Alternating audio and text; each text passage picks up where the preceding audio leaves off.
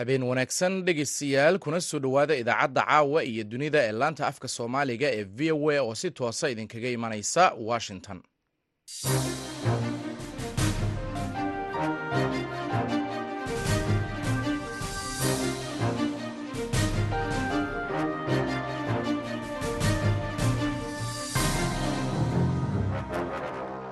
waa fiidnimo isniin ah koob iyo soddonka bisha oktoobar sannadka labada kun iyo labaiyo labaatanka.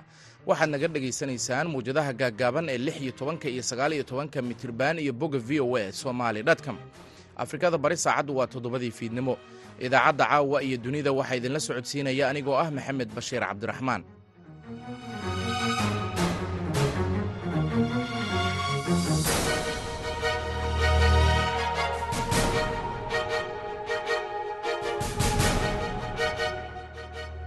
qodobada dhegaystayaal aad ku maqli doontaan idaacadda caawa iyo dunida. Waxaa ka mid ah faahfaahin ku saabsan warmurtiyeed madaxda federaalka iyo kuwa maamul goboleedyadu ay ka soo saareen magaalada muqdisho.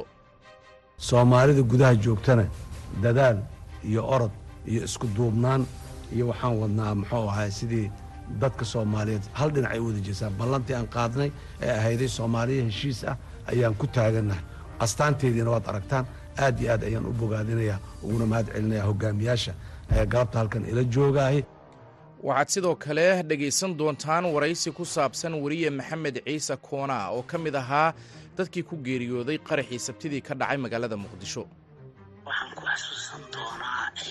eraydii mar walbeeto idhihi jiray dhihi jiray qofka bini aadanka ah oo tabaaleysan isku day in aad shaqaysid inaa u shaqaysid oo aad fiirinin oo aad fiirisid dhibaatada qofka heesato in ay adigana beri ku qabsan doonto qodobadaasi iyo warar kale ayaan idiin haynaa balse intaasi oo dhan waxaa ka horeynaya warkii caalamka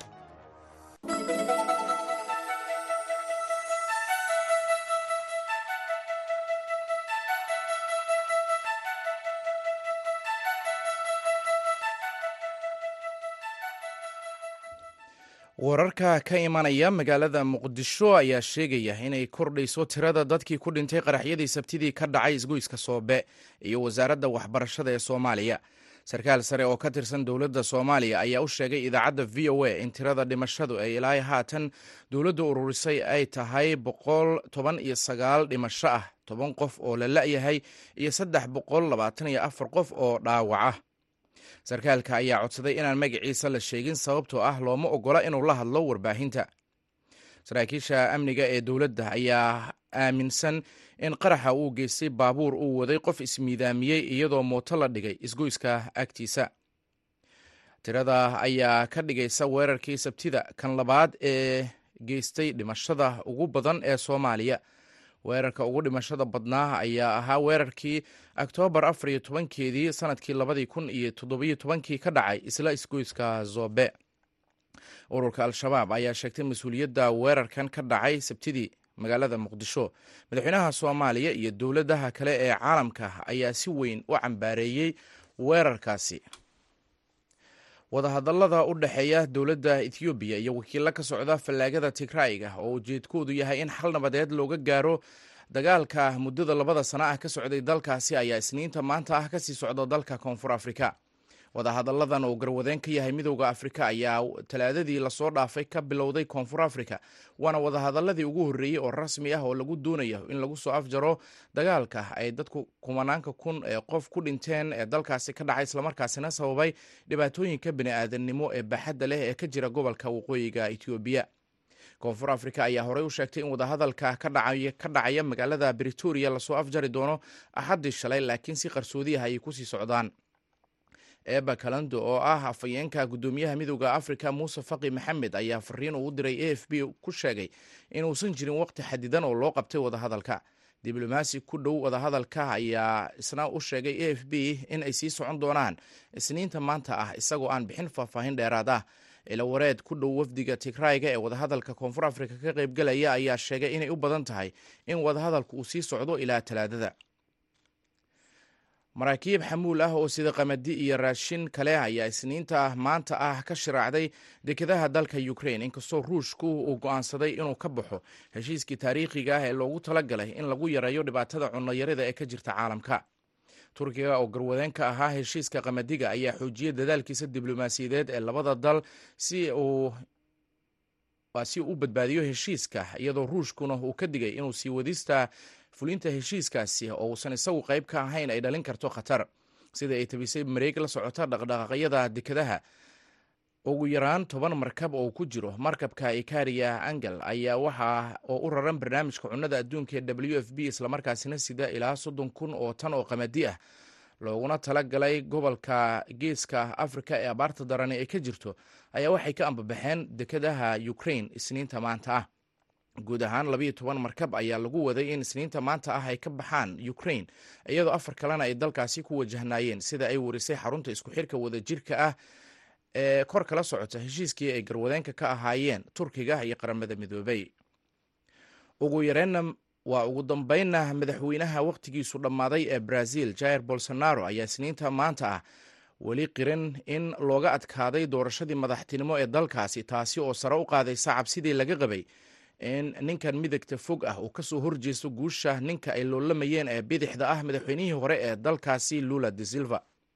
Tobanaan kun oo taageerayaal ah ayaa habeennimadii axaddii isugu soo baxay waddooyinka magaalada sao paulo si ay ugu dabaaldegaan soo laabashada aan caadiga ahayn ee lula oo toddobiyo toddobaatan jir ah horeyna uga shaqayn jiray biraha islamarkaasina laba jeer soo noqday.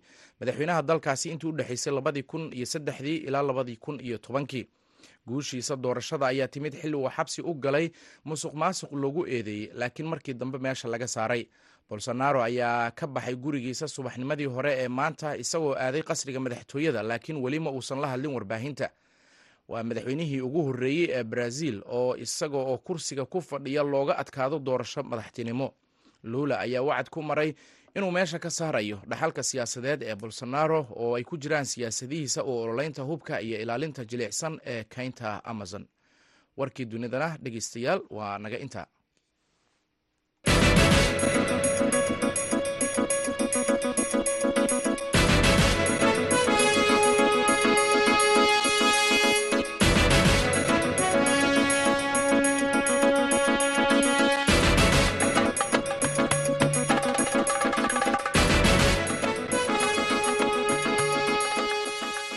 halka dhegeystayaal wararkaasi aad kala soconayseenna waa laanta afka soomaaliga ee v o a oo si toosa idinkaga imaaneysa washington. Aynu ku horeynay sidii warkaba aad ku maqlayseen magaalada muqdisho. Waxa ay dowladdu sheegtay in tirada dadka ku dhintay qaraxyadii dhowaan ka dhacay isgoyska soobe ee magaalada muqdisho ay korodhay.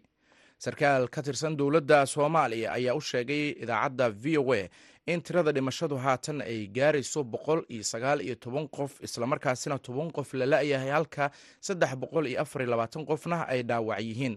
Sarkaalkaasi ayaa diiday in magaciisa la sheego maadaama aan loo ogolayn in uu warbaahinta la hadlo. Saraakiisha amniga ee dowladda ayaa aaminsan in qaraxa uu geystay baabuur uu waday qof ismiidaamiyey iyo mooto la dhigay isgoyska oo ahaa mid aad u mashquul badan tirada ayaa ka dhigaysa weerarkii ugu dhimashada badnaa ee waa weerarkii labaad ee ugu dhimasho badnaa ee ka dhaca soomaaliya. Weerarkii ugu dhimasho badnaa ee soomaaliya ka dhaca ayaa waxa uu dhacay afar iyo tobankii oktoobar sannadkii labadii kun iyo toban iyo toddobadii markaasi uu ka dhacay isla isgoyska soobe. Madaxda dowladda federaalka iyo kuwa maamul goboleedyada oo ku shirsanaa magaalada muqdisho intii u dhexaysay toddobiyo labaatankii ilaa koob iyo soddonkii bishan oktoobar ayaa goor dhoweyd waxa ay soo saareen warmurtiyeed ay kaga hadlayaan shirkaasi iyo qodobadii ay kaga doodeen.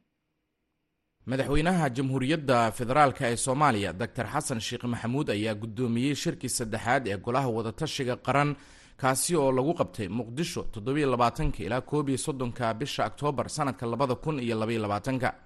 Shirka waxaa ka qayb galay ra'iisul wasaaraha xukuumadda soomaaliya xamse cabdi barre ra'iisul wasaare ku-xigeenka saalax axmed jaamac madaxweynaha puntland siciid cabdulaahi deni madaxweynaha jubbaland axmed maxamed islaan madaxweynaha koonfur galbeed cabdicasiis xasan maxamed laftagareen madaxweynaha galmudug axmed cabdi kaariye qoorqoor iyo madaxweynaha hirshabeelle cali guudlaawe xuseen iyo guddoomiyaha gobolka banaadir sheekh yuusuf xuseen jimcaale madaale.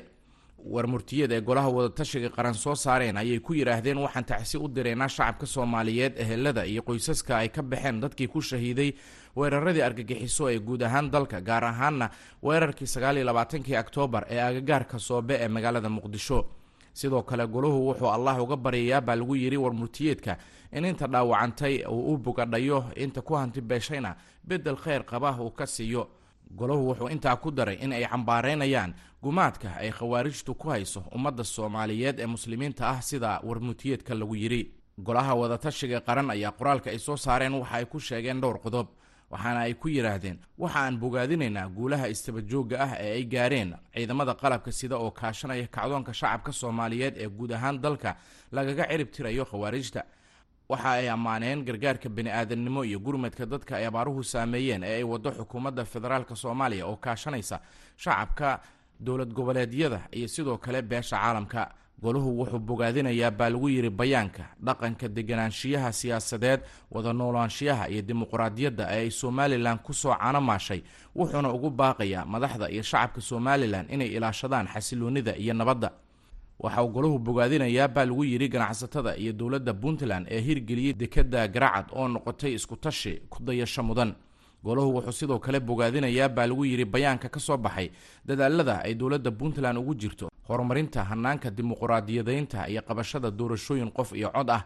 Golahu wuxuu sidoo kale bogaadinayaa dadaalada dowladda federaalk ee soomaaliya ay ugu jirto xoojinta xiriirka kala dhexeeya saaxiibada caalamka. Qodobada ka soo baxay shirka ee warmurtiyeedka lagu sheegay ayaa waxaa ka mid ah kow sugidda amniga iyo la dagaalanka argagixisada. Golahu wuxuu isla qaatay ka ciribtirka kooxaha khawaarijta ee dhammaan dhulka jamhuuriyadda federaalk ee soomaaliya. Golahu wuxuu isku raacay in howlgallada la waafajiyo istiraatiijiyad qaran ee la dagaalanka khawaarijta la iskuna dubarido dadaalada kala duwan. Golahu wuxuu isla qaatay dhaqangelinta heshiiska qaabdhismeedka amniga qaranka ee la saxiixay abril labadii kun iyo toddobiyo tobankii wixii farsamo ahna waxaa ka shaqayn doona guddi farsamo. Golahu wuxuu dhiirigelinayaa dardargelinta qorshaha kala guurka ee ciidamada qaranka ay kala wareegayaan mas'uuliyadda amniga ciidamada admis si dhammaystiran. Labo gurmadka abaaraha iyo la tacaalidda saameynta isbeddelka cimilada. Golahu wuxuu diiradda saaray saameynta abaaraha soo noqnoqday ee dalka ka jira iyo weliba raadka ay ku reebayaan habnololeedka bulshada soomaaliyeed. Golahu wuxuu hay'adaha gargaarka farayaa dardargelinta gurmadka abaaraha. Golahu wuxuu sidoo kale isla qaatay baa lagu yidhi bayaanka ka soo baxay baahida weyn ee loo qabo maaraynta iyo la tacaalidda saameynta isbeddelka cimilada iyo weliba dhisidda kaabayaasha u adkaysiga aafooyinka saddex dardargelinta dib u eegista dastuurka. Golahu wuxuu isla qaatay in mudnaan gaar ah la siiyo qodobada wadaxaajoodka siyaasadeed u baahan si loo dhammaystiro dib u eegista dastuurka kumeel gaarka ah. Golahu wuxuu isku raacay in xukuumadda federaalk soomaaliya iyo dowlad goboleedyadu ay soo dhammaystiraan xubnaha ka dhiman guddiyada u xil saaran dib u eegista dastuurka. Afar dimuqraadiyadeynta iyo doorashooyinka in dalka laga dhaqangeliyo nidaamka xisbiyada badan iyadoo dib loo milicsanayo xeerarka xisbiyada iyo doorashooyinka. In dalka oo dhan laga hirgeliyo doorashooyin xor ah oo hufan kuna salaysan codbixiyaal diiwaangashan iyo xisbiyo u tartamaya golayaasha heerarka kala duwan. In dalka laga qabto laba doorasho mid heer federaal ah iyo mid dowladaha xubnaha ka ah dowladda federaalka.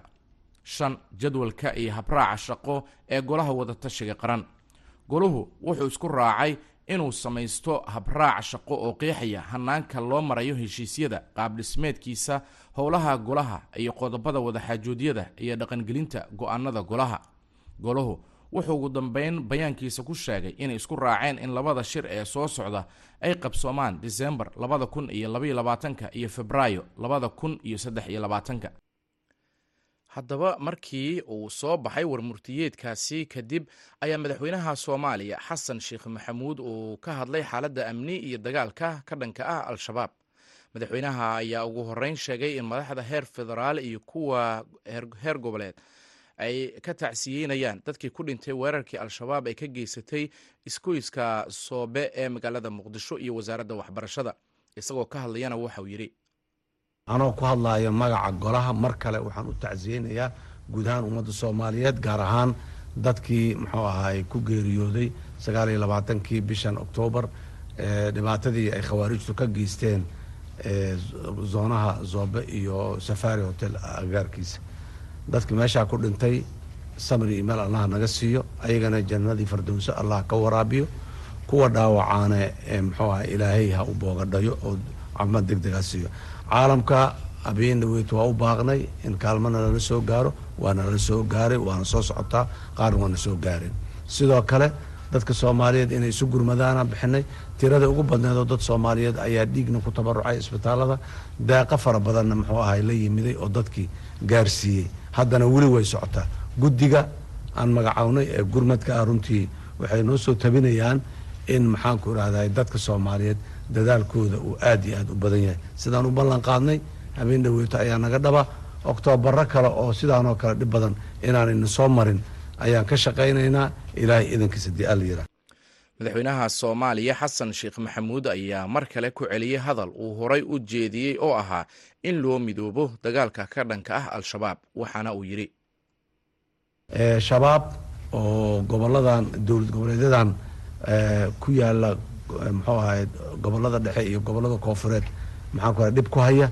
Iyo sidoo kale shabaab iyo maxaanku yidhahda daacish oo puntland ayagana muxuu ahay meelo ka mid oo yaryar maxaa ku harsan oo ku jira. Intaba waa loo taagan yahay cawiyo maalin kuwaasna ka ogolaan mayna in ay buuraha puntland saarnaadaan kuwaana ka ogolaan mayna inay dhulka soomaaliya ee dhul beereedkii nimcadii meeshii maxaanku irahda soomaaliya uga kaaftoomi lahayd in mucaawano la siiyo oo loo soo gurmado ayay nimankaana ay ku habsadeen una diideen dadka in ay maxaanku irahda tacbadaan ilaahay idankiis waa ka imaanaynaa soomaalida gudaha joogtana dadaal iyo orod iyo isku duubnaan iyo waxaan wadnaa muxuu ahay sidii dadka soomaaliyeed. Hal dhinac ay wada jeesaan. Ballantii aan qaadnay ee ahayday soomaaliya heshiis ah ayaan ku taagannahay astaanteediina waad aragtaan aad iyo aad ayaan u bogaadinayaa uguna mahad celinaya hogaamiyaasha galabta halkan ila joogaahi.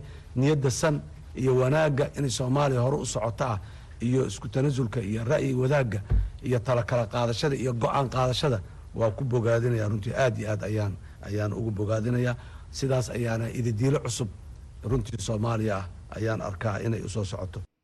Kaasina wuxuu ahaa madaxweynaha soomaaliya xasan sheekh maxamuud. Faahfaahinta warkaasi waxaad ka heli kartaan bogga aan internetka ku leenahay ee v o a somaly com weli wararkaasi ayaan ku guda jirnaaye maxamed ciise xasan koona. Waxauu ka mid ahaa dadka ka badan boqolka qof ee ku dhintay qaraxyadii baabuurta ee sabtidii ka dhacay magaalada muqdisho kuwaasi oo lala beegsaday wasaaradda waxbarashada iyo isgoyska mashquulka badan ee zobe. Maxamed waxa ka mid ahaa wariyaasha telefishinka m waxaana uu ka tegey xaas iyo wiil lix bilood jir ah maxamed ciise koona markii qaraxa koowaad uu dhacay ayuu ka baxay xarunta telefishinka isagoo u orday goobta uu qaraxu ka dhacay si uu indhihiisa ugu arko dhibaatada dhacday. Waxaase daqiiqado kadib isla goobta ay al-shabaab la beegsatay qarax labaad kaasi oo uu ku dhintay.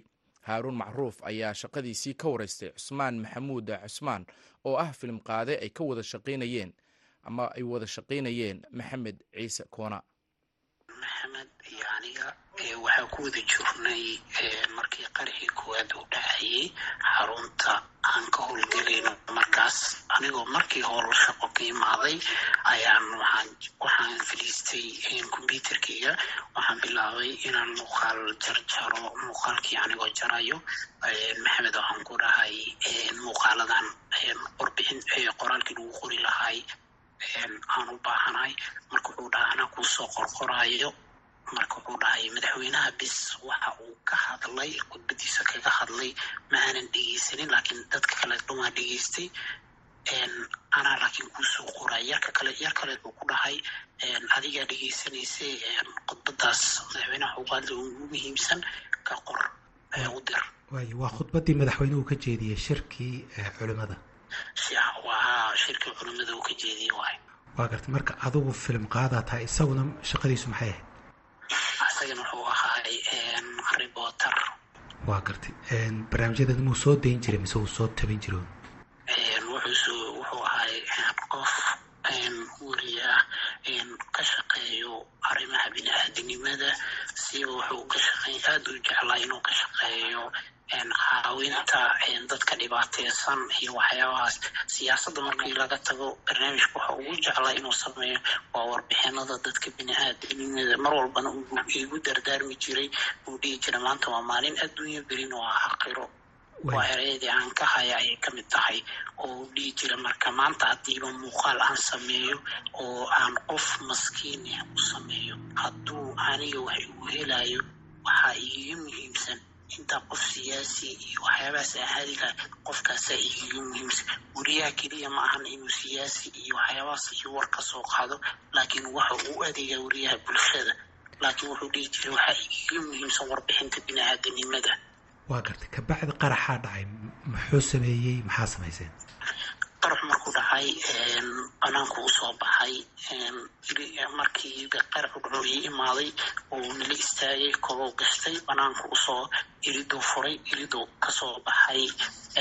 Wuu baxay sida u joognay meeshii isla markiiba waxaa nagula dhahay teleefonadiinii waxeenii qadkii dhan aa baxay.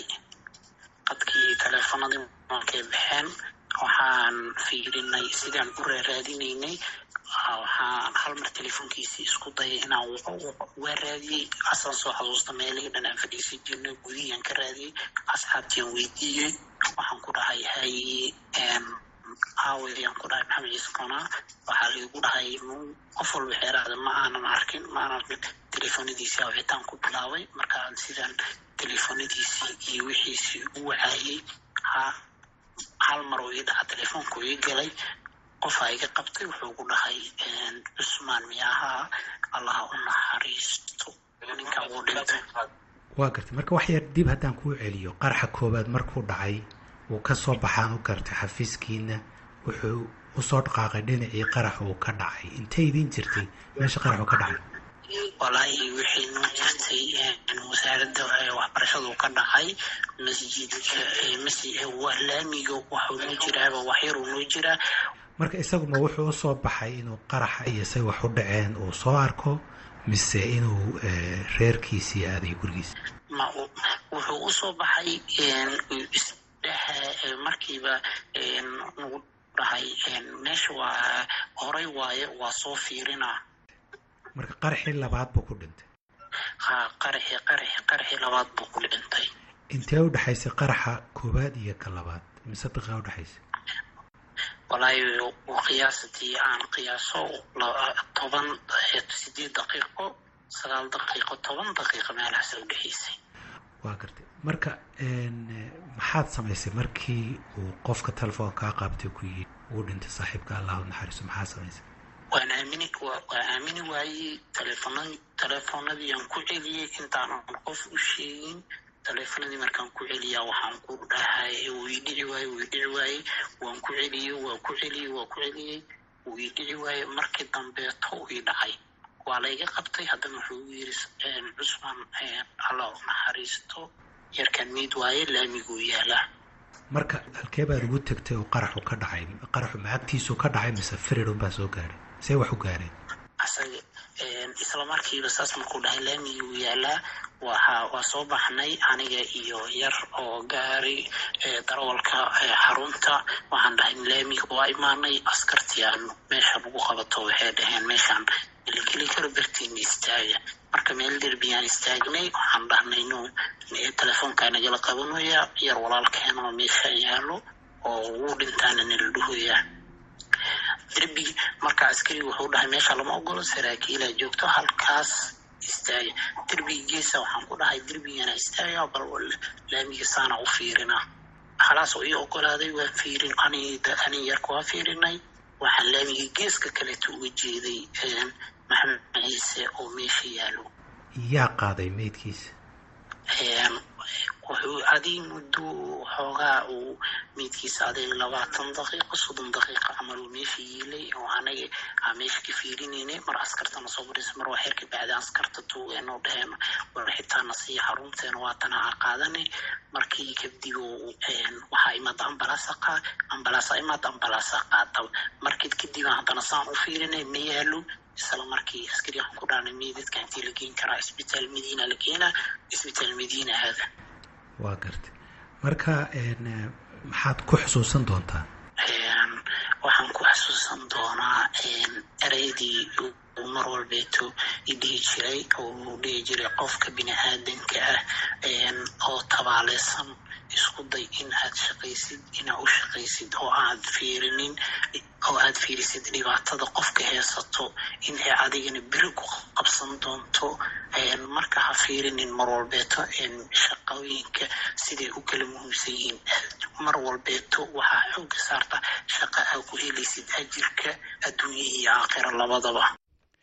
Kaasina wuxuu ahaa cusmaan maxamuud cusmaan oo ka hadlayay geerida saaxiibkiis weriye maxamed ciise koona dhinaca kalena ra'iisul wasaaraha soomaaliya ayaa xalay sheegay in dowladda soomaaliya ay u argudi doonto dadkii lagu laayay weerarkii lala beegsaday isgoyska zobe iyo wasaaradda waxbarashada. Weerarkaasi waxaa ku dhintay dad ka badan boqol qof. Warbixintan waxaa muqdisho ka soo diray cabdicasiis axmed barrow.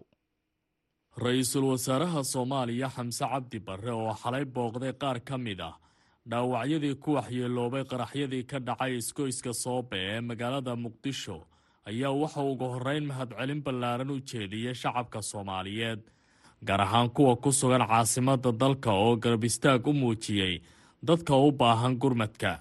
U mahadceliyo shacabka soomaaliyeed oo runtii iska kaashanaya yar iyo weyn gaar ahaan reer muqdisho iyagoo ka xun wixii dhacay haddana inay u istaageen runtii dadkooda inay u gurmadaan aad iyo aad baan ugu mahad celinayaa intii dhimatay allahu naxariisto way ku shahiideen. Shahaadadooda allahu aqbalo. Inta dhaawacana ilaahay haynoo caafiyo. Intaa kadib kuwii waxaan sameeyey ismay lahayn marna. Sidan oo kalea dadku isu kaashanayaan. Waxay rabeen inay dadka niyad jebiyaan waxay rabaan inay maxaanku dhahaa la kala cararo waxay rabaan inay dadka soomaaliyeed ay u celiyaan xilliyo hore oo la soo dhaafay runtii. Meeshaas waa la soo dhaafay dadka soomaaliyeed niyadooduna aad bay u adag tahay. Go'aan bay gaareen go'aankooda ku soconaya ra'iisul wasaaraha oo ku sugnaa xarun gurmadka loogu talagalay oo laga dhex furay mid ka mid a cisbitaaladii uu xalay booqday ayaa waxa uu sidoo kale sheegay in dowladda soomaaliya ay u aargudi doonto dadkii rayidka ahaa ee ku dhammaaday qaraxyadii ka dhacay muqdisho. Marka waxaan ugu baaqayaa runtii dadka soomaaliyeed marka koowaad dadka soomaaliyeed waxaan leeyahay khawaarijta haddaad rabteen nooca yihiin in la idiin fasara haddaad rabteen midabkooda haddaad rabteen waa kuwaas. Xalka keliya lehin waa inaan la dagaalanaa xalka keliya lehin waa inaan iska xoraynaa sidaa darteed dagaal baa ku socda markaan furumihii looga soo adkaaday sidaad idinkuba og tihiin oo bannaanka looga soo adkaaday iyo dagaalkii foolka foolka ahaa ayay inoo soo daba mareen oo ay laynayaan oy ka aargoosanayaan hooyada iyo dhallaanka iyo odayga iyo gabdhaha soomaaliyeed ee ilmahooda ku korsanaya inay yaanyada ay iibsadaan ay iibiyaan ayay ka aargoosanayaan. Marka nimanka noocaas marka u fakeraya oo dhaqankooda uu sidaa yahay waxaan ballan qaadaynaa in loo aargudo dadka soomaaliyeed. Waa loo aargudaya. Dalkana go'aan aan ka noqosho lahayn waaye nimankaas dalka in laga xoreeyo. Xamse cabdi barre ayaa waxa uu sidoo kale fariin u diray qurbajoogta soomaaliyeed isagoo ka codsaday in gurmadka ay qayb ka noqdaan oo ay garab istaagaan dadka waxyeeladu ka soo gaartay. Qaraxyadii sagaal iyo labaatankii bishan oktoobar ka dhacay caasimadda soomaaliya. Dalkeenna dadkeenna dibadda jira. Daawadayaal inay noqdaan lama rabo dagaal baa socda dalkooda inay ku soo kontribuyut gareeyaan inay ka qayb qaataan inay badbaadiyaan dadka ayaa la raba. Abaaraa dhacay waanu qaylinay waxaan lahayn badbaadiya haddeertanna tan oo kalaa dhacday masaa'ibta marka waa la isgarab istaagaa in la isgarab istaagaan u baahannahay. Dhinaca kale waxaa muqdisho ka socda gurmad loo samaynayo dadka dhibaatadu ka soo gaartay qaraxyadii ka dhacay iskoyska soobe. Golaha xukuumadda oo xalay shiray ayaa waxa ay sheegeen in dowladdu ay bixinaysa lacag dhan hal milyan oo dollar si loo garab istaaga dadka dhibaataysan. Halka sidoo kale shirka golaha wasiirada qodobada ka soo baxay lagu sheegay in dowladda soomaaliya ay kafaalo qaadaysa waxbarashada ubadka waalidiintii dhale ay ku baxeen qaraxyada. Saddexda maalin ee soo socotana waxaa la fasaxay waxbarashada dalka si gurmadka socda qayb looga noqdo. Geesta kale shirkadaha bixiya adeega bulshada ayaa qudhooda waxay gurmadka ku dareen lacag boqolaal kun oo dollar ah. Hay'adda hormuud salaam foundation ayaa sheegtay inay bixinayso lacag dhan laba boqol oo kun oo dollar halka shirkadda dahabshiil ay yaboohday shan boqol oo kun oo dollar. Shirkadda bixisa korontada ee beko ayaa waxa ay sheegtay inay bixinayso lacag gaaraysa konton kun oo dollar. Qaraxyadii sagaal iyo labaatanka bishan oktoobar ka dhacay iskoyska soobe ayaa waxaa ku dhintay ku dhowaad boqol ruux oo rayid u badan in ku dhow saddex boqol oo kalena way ku dhaawacmeen sida uu sheegay madaxweynaha soomaaliya. Cabdicasiis barrow v o a muqdisho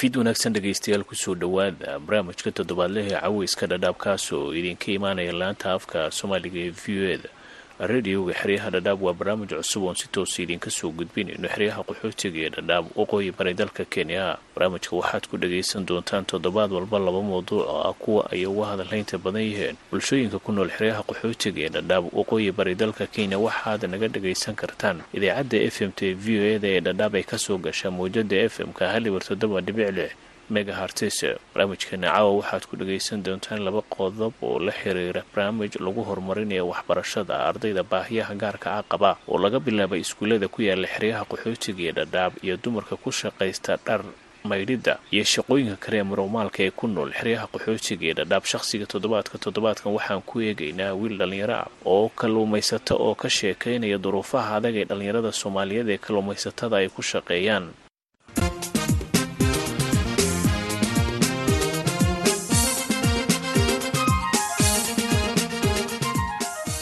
barnaamijka waxaa idinla socodsiinaya anigoo axmed nuur maxamed cabdulaahi iyo gol oo ku sugan xeryaha qaxootiga ee dhadhaab waqooyi bari dalka kenya.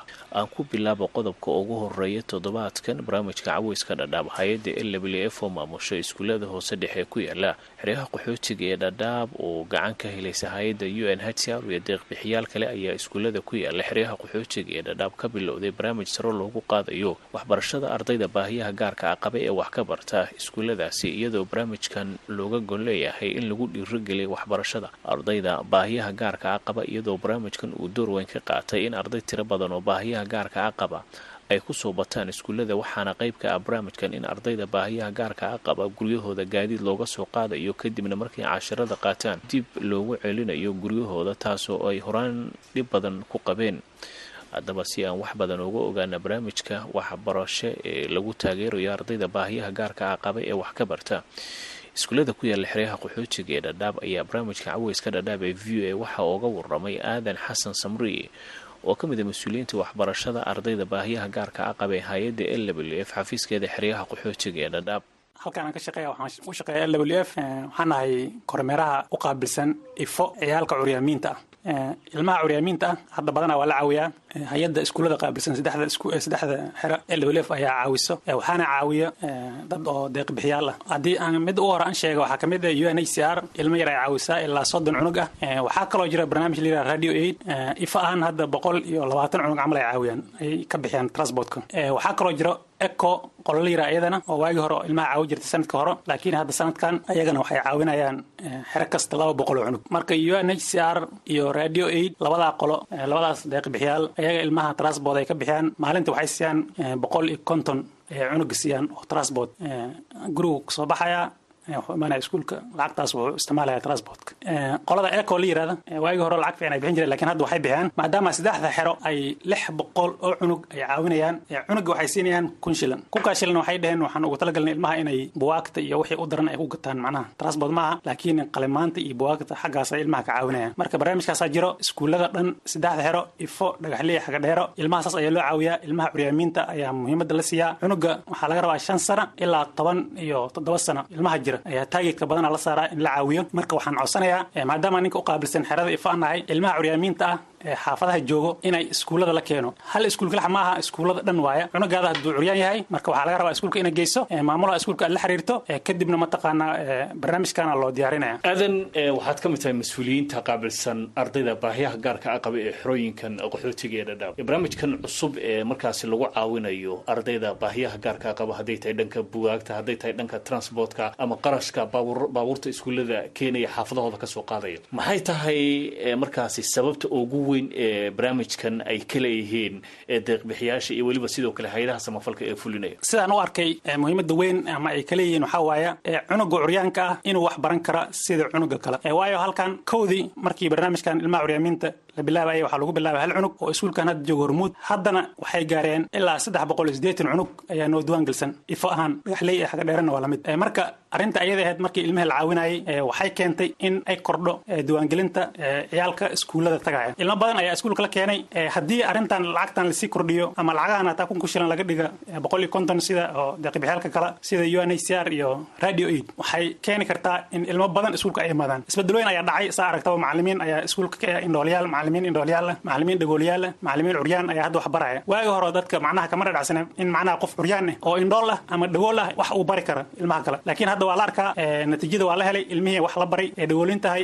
indhoolyaasha ahay hadda ayagaa shaqaysanayaan taas ayadeena waxay dhiirigelin u tahay ilmaha iskuulka imaanaya. Waayo cunuga markuu arka macalin indhool oo wax dhigaaya macalin dhagool wax dhigaaya macalin curyaan ee wax dhigaaya macnaha waxay kor u qaadaysaa dhiirigelin ayay u tahay sidaa daraaddeed waxaa batay ardayda badan ee iskuulka dhiganaya maadaama hay'adda ay caawinaysa ay ka caawinaysa transportka iyo buwaaga marka barnaamijkan doorinta leeg buu ka qaadan karaa in arday fara badan oo baahiyaha gaarka a qaba iskuullada la keeno. Sidoo kaleetana waxbarashada ardayda baahiyaha gaarka a qaba ay sare u kacdo. Door waxay ka qaadan kartaa cunuga curyaanka markuu iskuulka imaado ee wax barto mustaqbalka waxbarashada uu bartay waxay caawinaysaa isaga laftiisa iyo qoyskiisa iyo ciyaalkiisa mustaqbalkiisa ayay dhisaysaa. Taas ayaa muhiim ay u tahay macnaha cunuga inuu macnaha iskuulka imaado kadibna wax uu barto. Markuu wax bartana mustaqbalka asay anficaysaa inta aan barnaamijkan la bilaabin lagu caawinahayo ardayda baahiyaha gaarka a qaba. Maxay tahay caqabadaha ay horaan qabeen? Waagii hore intii barnaamijkan la bilaabay cilado badan ayaa jiray. Ciyaal badan oo waxaa jiray marka ay iskuulka soo aadaan dhexda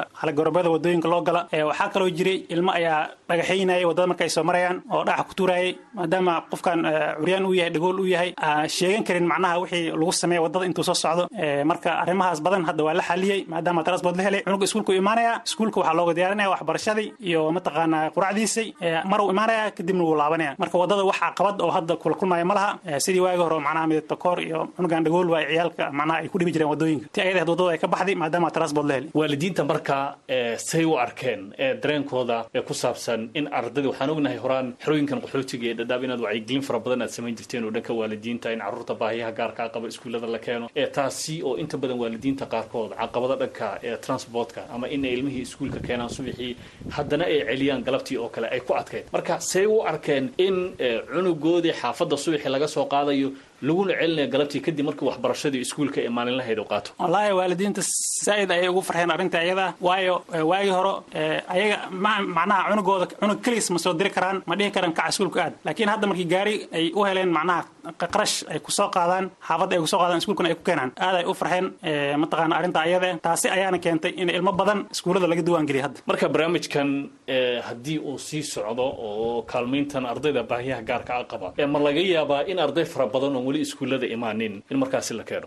Haddii barnaamijka uu sii socdo waxaan aaminsanahay in arday badan oo hadda xaafadaha joogaan iskuulka ay imaan doonaan waxbarashada ay ka qaybgali doonaan taas ayadan ay anfici doonto waalidkood iyo ayagaba. Waayo cunuga curyaanka ah wuxuu xaquuq u leeyahay waxbarasho sidii cunuga kale. Marka barnaamijyo badan ayaa halkan lagu sameeyaa dhagaha ayaa ilmaha looga cabiraa meeshaan sida centerka hadda meesha aan joogna ilmaha laga bilaabaya dhagaha ayaa looga cabiraa ilmaha waa lagu daldaliigaa marka waxaasoo dhan haddii oo cunuga iskuulka la keeno faa'iidooyin badan ayuu helaya sida macnaha cunuga inuu wax barto in mataqaana asagana oo la daldaliigo in dhagaha laga daaweeyo. Marka iskuulka cunuga markuu imaanaya waxbarashada kelixa ma aha waxaa kaloo lala soconaya xaaladiis guud caafimaadkiisa guud ayaa lala soconaya marka waalidiinta waxaan ka codsan lahay ilmaha xaafadaha inay ku haynin cunug curya handuu yahay iskuulka u dhow ay geeyaan iskuulka u dhow hadda ay geyn waayaan laba iskuulaa jirta hormuud iyo iyo horseed laba iskuulaa jirta labada iskuulna waxaa loogu talagalay ilmaha mataqaana maskaxda zaa'idka uga xanuunsan xagga maskaxda dhimir ahaan mataqaana zaa'id ah iyo kuwa dhagoolinta labada iskuulaa loogu talagalay. Laakiin cunugaada curyaan hadduu yahay gacan ama lug uu yahay maskaxdiisa ay fiyowdahay iskuul ku dhow waa geenaysaa kadibna waxa alla wixii mataqaana waa lagu caawinaya.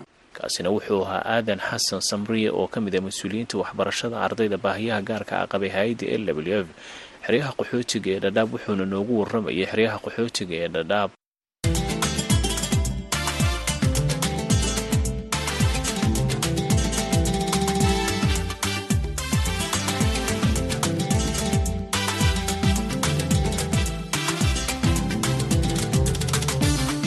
Halka aad naga dhegaysanaysaanna waa laanta afka soomaaliga ee v o e da barnaamijka toddobaadlaha caweyska dhadhaab. Waa barnaamij cusub ay soo kordhaysay v o e da markana aan idinku wareejiyo saaxiibkii cabdisalaan axmed salas oo stuudiyaha igula sugan si uu inoogu soo gudbiyo qeybaha inooga haray barnaamijkeenna. Mahadsaned axmed nuur maxamed cabdilaahi? Dhegeystayaal waxaad nagala socotaan barnaamijka cawiiska dhadhaab oo aad ka dhegeysanaysaan v o a. Si toosna idinkaga imaanaya xeryaha dhadhaab ee gobolka waqooyi bari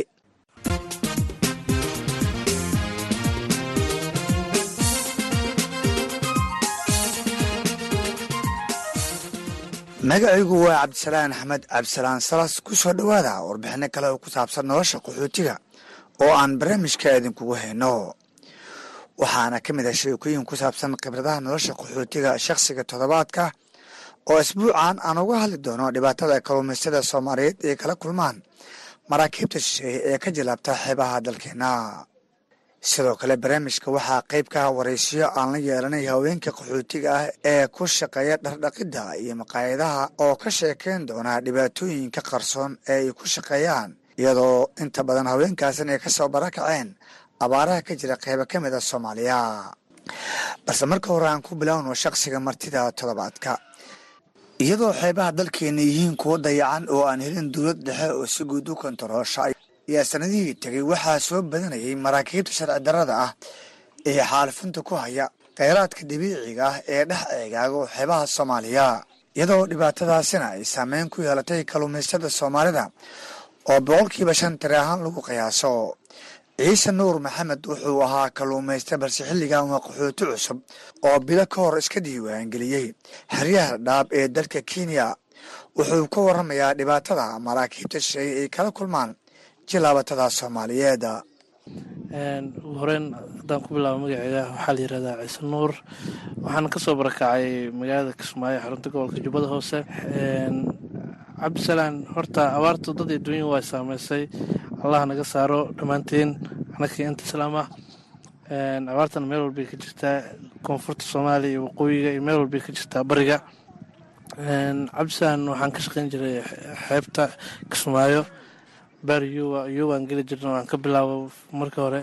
Marka kale inaan raaco kuwa baxriinimada oo malaaga weyn soo qabto xaaskiiyo marka dambe argoosataan gelinay marka waxaa waaye badda haddii abaarihii dhaceen malaagii sidii hore uma soo baxayo laakiin roobka marka uu bilowdo uu soo do-o malaagii wuxuu iska noqdaa taanataano oo waa la helaa.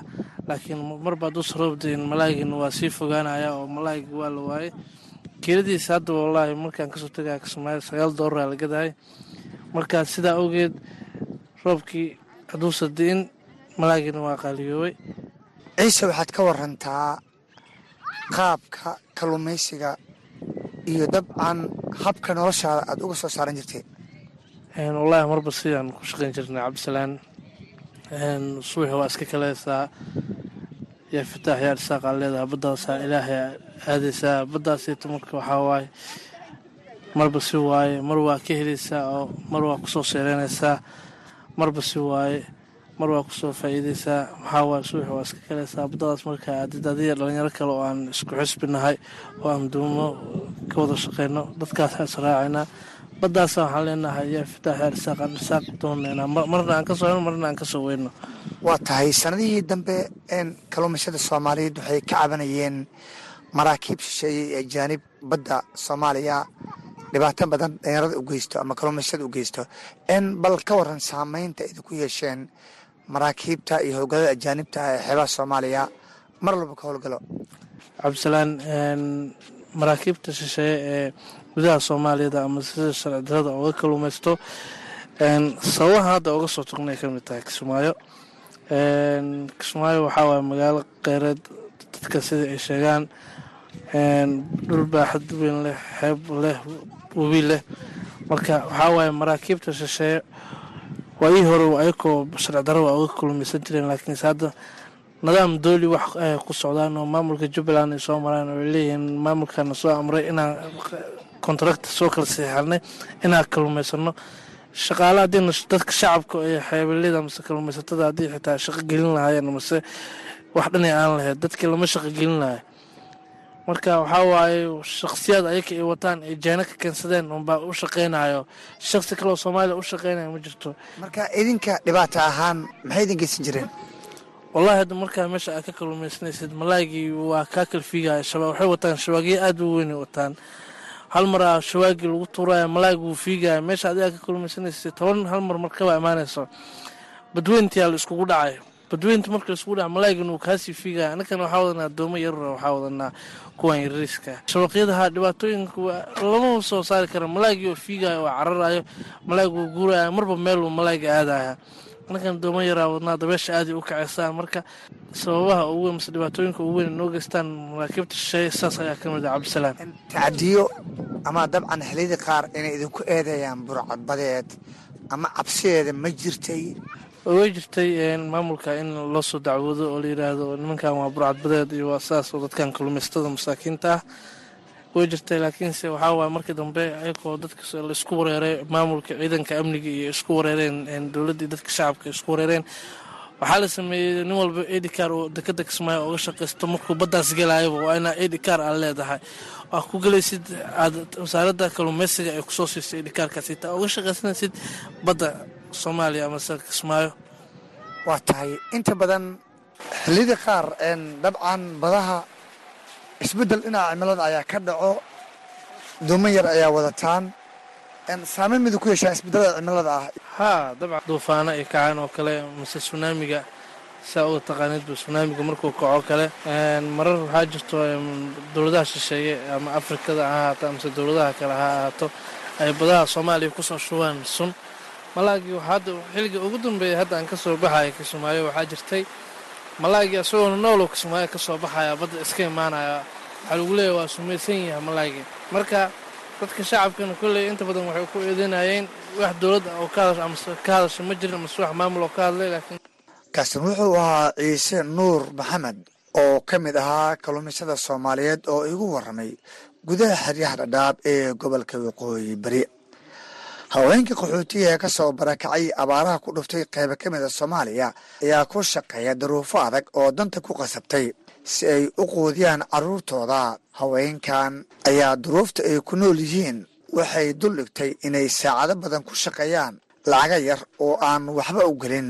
Waa tanluul cabdulaahi isaaq oo in ka badan afar iyo toban saacadood ku shaqaysa lacag ka yar saddex aniga luuli cabdulaahi isaaq baa lai dhahaa. Aniga waxaan ka soo barakacay gobollo u dhow saakow adi maxay ahaydoo maqaaxyadan ka shaqeeyey? Guri waan soo dhoobay dhar waan soo dhaqay. Maxay hadda waxaan ku shaqeeyay laba iyo tobankan baxaa laba iyo tobanka aan ka soo tagaa hal saac habeenamaa gurigayga imaadaa cunug yaroo mujuqeen waan ka soo tagay oo dhalan sagaal bilood aan soconayni aad baan u dhibaataysanahay guri ma qabno hooy ma qabno. Maxay aheedoo ilmaha aa harto gurigaada aa ku harta caano uma helaysid. Kabta dacaska uma helaysid. Bariis bisaan soo qaadanaa ama moordooyan soo qaadanaa wax lagu cunaa la rabaa. Aniga saddex boqol baan qaataa yoomiyihii laba iyo tobankana waan kacaa laba iyo tobankana waan soo galaa. Waxaan ka shaqeeyaa maqaaxad baan ka shaqeeyaa oo maxay aheedoo cunto ka kariyaa cambuulaan kariyaa soor baan kariyaa maraq baan kariyaa. Maqaaxadaan ka shaqeeya saddex boqol baan qaataa hadday galbagalka igu soo dhaco maxay aheedoo meesha aan gaari ka soo raaca boqol iyo konton baa waxay ahayd gaarin ka soo raacaa buulabakti baa ugu imaadaa boqol iyo konton leyba qaataaba. Wax weyn ma qaati. Marka waxaan rabnaay si gaara inaan waxna looga qabto haddii waxna looga qaban kara waa tahay laba iyo tobanka ayaad ku shaqaysaa lacag u dhiganto saddex dollar. Haa saddex doolar baan ku shaqeeyaa haddaa saddex doolar markaa gobolka igu soo dhaca ma ka soo gaarin in lagu xoogaaba halas oo jidka waddada lagugu soo xoogo.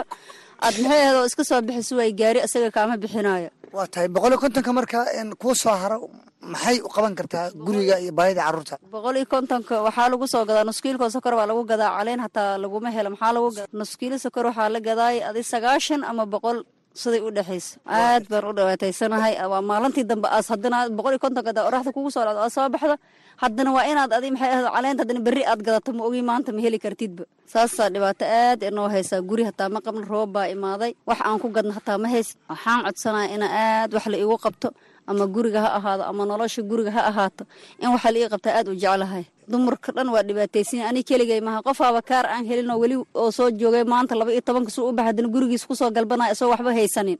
Oon la garanayn qofkii la garanaya hataa shaqada marka boqol iyo kontonka asaaba la siyaabo asoo la garanayn maba maantao dhan waa un wareegaysaa maogi shaqo maba qabatid maba helaysa marka dhibaato fara badan baana haysata walaala koba la'aan baa socdaan ilmaha dhar la'aan bay socdaan aad baan u dhibaataysanahay dhib badan baa ilaahay naga qaada. Farxiyo aadan waa hooyo dhashay afar carruur ah. Waa bukaan socod la jiifa xanuuno ay ka dhaxashay shaqooyinka adag. Waxaana ii sheegtay in bishiiba ay ku shaqayn jirtay lacag ka yar shan doolar taas oo ah arrin aad u xanuun badan. Magacay maxaa la dhahaa farxiyo aadan waxaan ka soo barakacay saakow gaadiyadeedan ka soo baraka afar anuura haystaa. Waa xanuunsanahay alla lix bilood oo kale anta jooga. Lixdaas bilood islaan la caawinay ma oga hata ma shaqaysan karan maxaa marka shaqada qabanaysa maxay ahayd? Dharleen dhaqa jiri. Dharleen dhaqaya maalintii haddaan waxa aan soo helay laba boqol hadda kale bil aan ku shaqaynay bishii shan boqol aan ku shaqaynay haa bishii shan boqol aan ku dhahay dhar ku soo dhaqaa hal maalin aan jooga oo ilmaha aan la jira halka maalin kale haddana waa soo dhaqaa horta dhibkaayna saasa u weyn waa tahay markii bishii oo dhan dabcan shan boqoloo shilin oo u dhiganto shan doolar maalin dhaaf aad ku shaqaynayso maxay kuu qaban kartaa shan boqol marka qaban karta male ada qaraa waxay isiisima waxay qaabla i qaabanay male ada qaabkeeba marka u maaranaysaa shan shilin? Shan boqol waxaan u maaranayna magiin soo qaata adeer shah kuwii shahaga aan ku soo gaday adeer kuwaas baan qaadana kaarna waa helay adeer raashiinkii adeer haddaan soo qaato oo raashiinka kaligiis wax lagu cuna aan lahayn adeer oo gusaarna aan lahayn wax lagu daraan aan lahayn. Aadan iska dhibaataysan guriga alle waa inagu soo dumin dad walaal balcaan ay dhistay rag waa loo waay haatan marka waxaa tahay qof xanuunsatay hawshii waa gabtay hawshii waaba gambi adeer. Hadda laba bilood oo kale maba shaqayna ilmaha waa sidii ilaahay og yahay adeeg wixii soo qaadna bis aan karsan haynaa masquul aan galnan hata male adeer islaankan la galna haddaan wax la galayn. Aadaan u dhibaysana inta dadweynaha wax noo qabto waa rabnaa adeer guriga nala sii adeer. Nolosha hadaa wax naloo dhaama kara naloo dhaama adeer saas baa jirta. adeer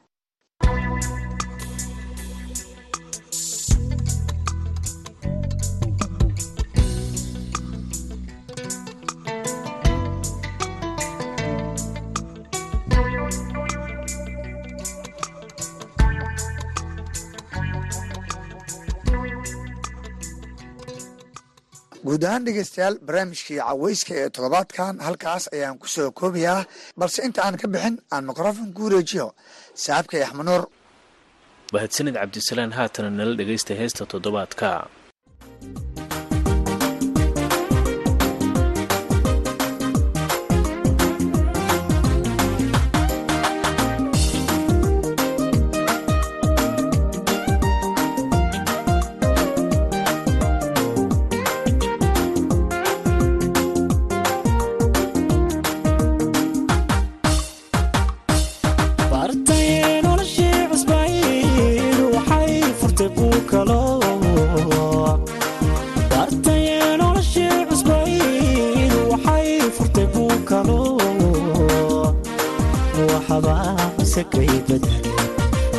baraarugayo ilbaxay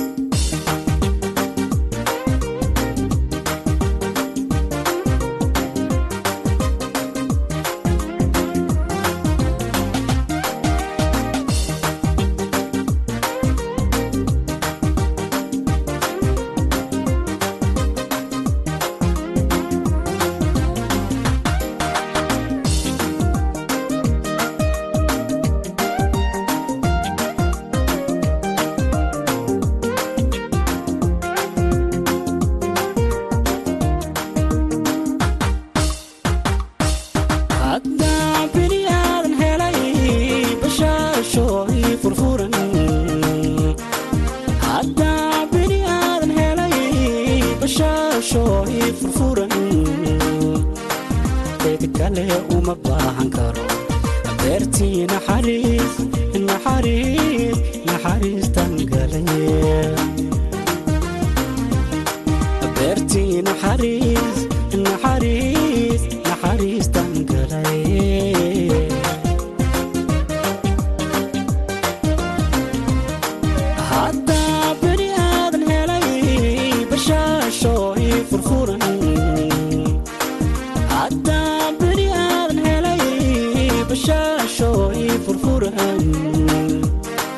cid kale uma baahan karo.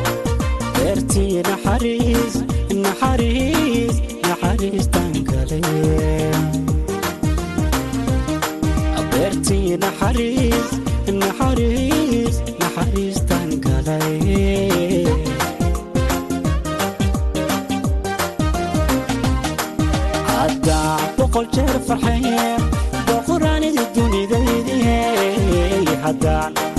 jeer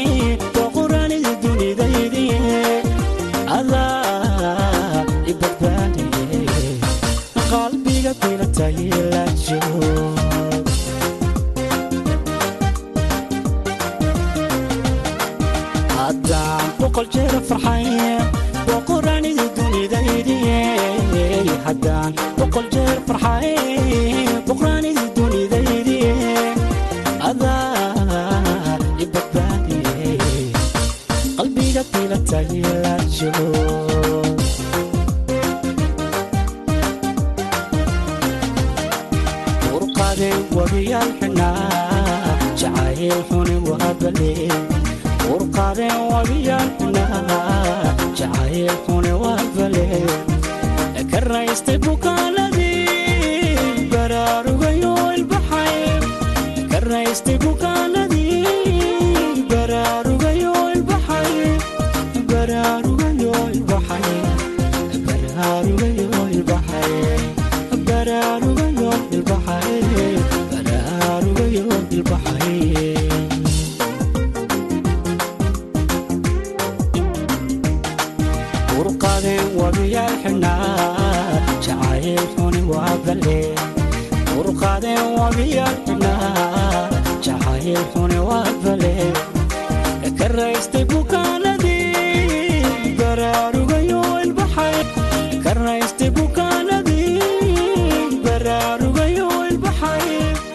intaasi waxaa inooga dhan barnaamijkeennii caweyska dhadhaabee caawa aad baad ugu mahadsantihiin dhegaysigiina ciddii u dhaafay barnaamijka ama qofkii doonaya macluumaad deeriya wuxuu ka heli karaa boggeena internetka ee somalia at v o news com. Waxaa kaloo aad ka heli kartaan ciwaanada aan ku leenahay baraha bulshada sida twitter-ka instagram-ka iyo facebooka barnaamijka waxaa idinla socodsiinayay anigoo ah axmed nuur maxamed cabdulaahi yogol iyo cabdisalaan axmed salas oo ku wada sugan xeryaha qaxootiga ee dhadhaab waqooyi bari dalka kenya.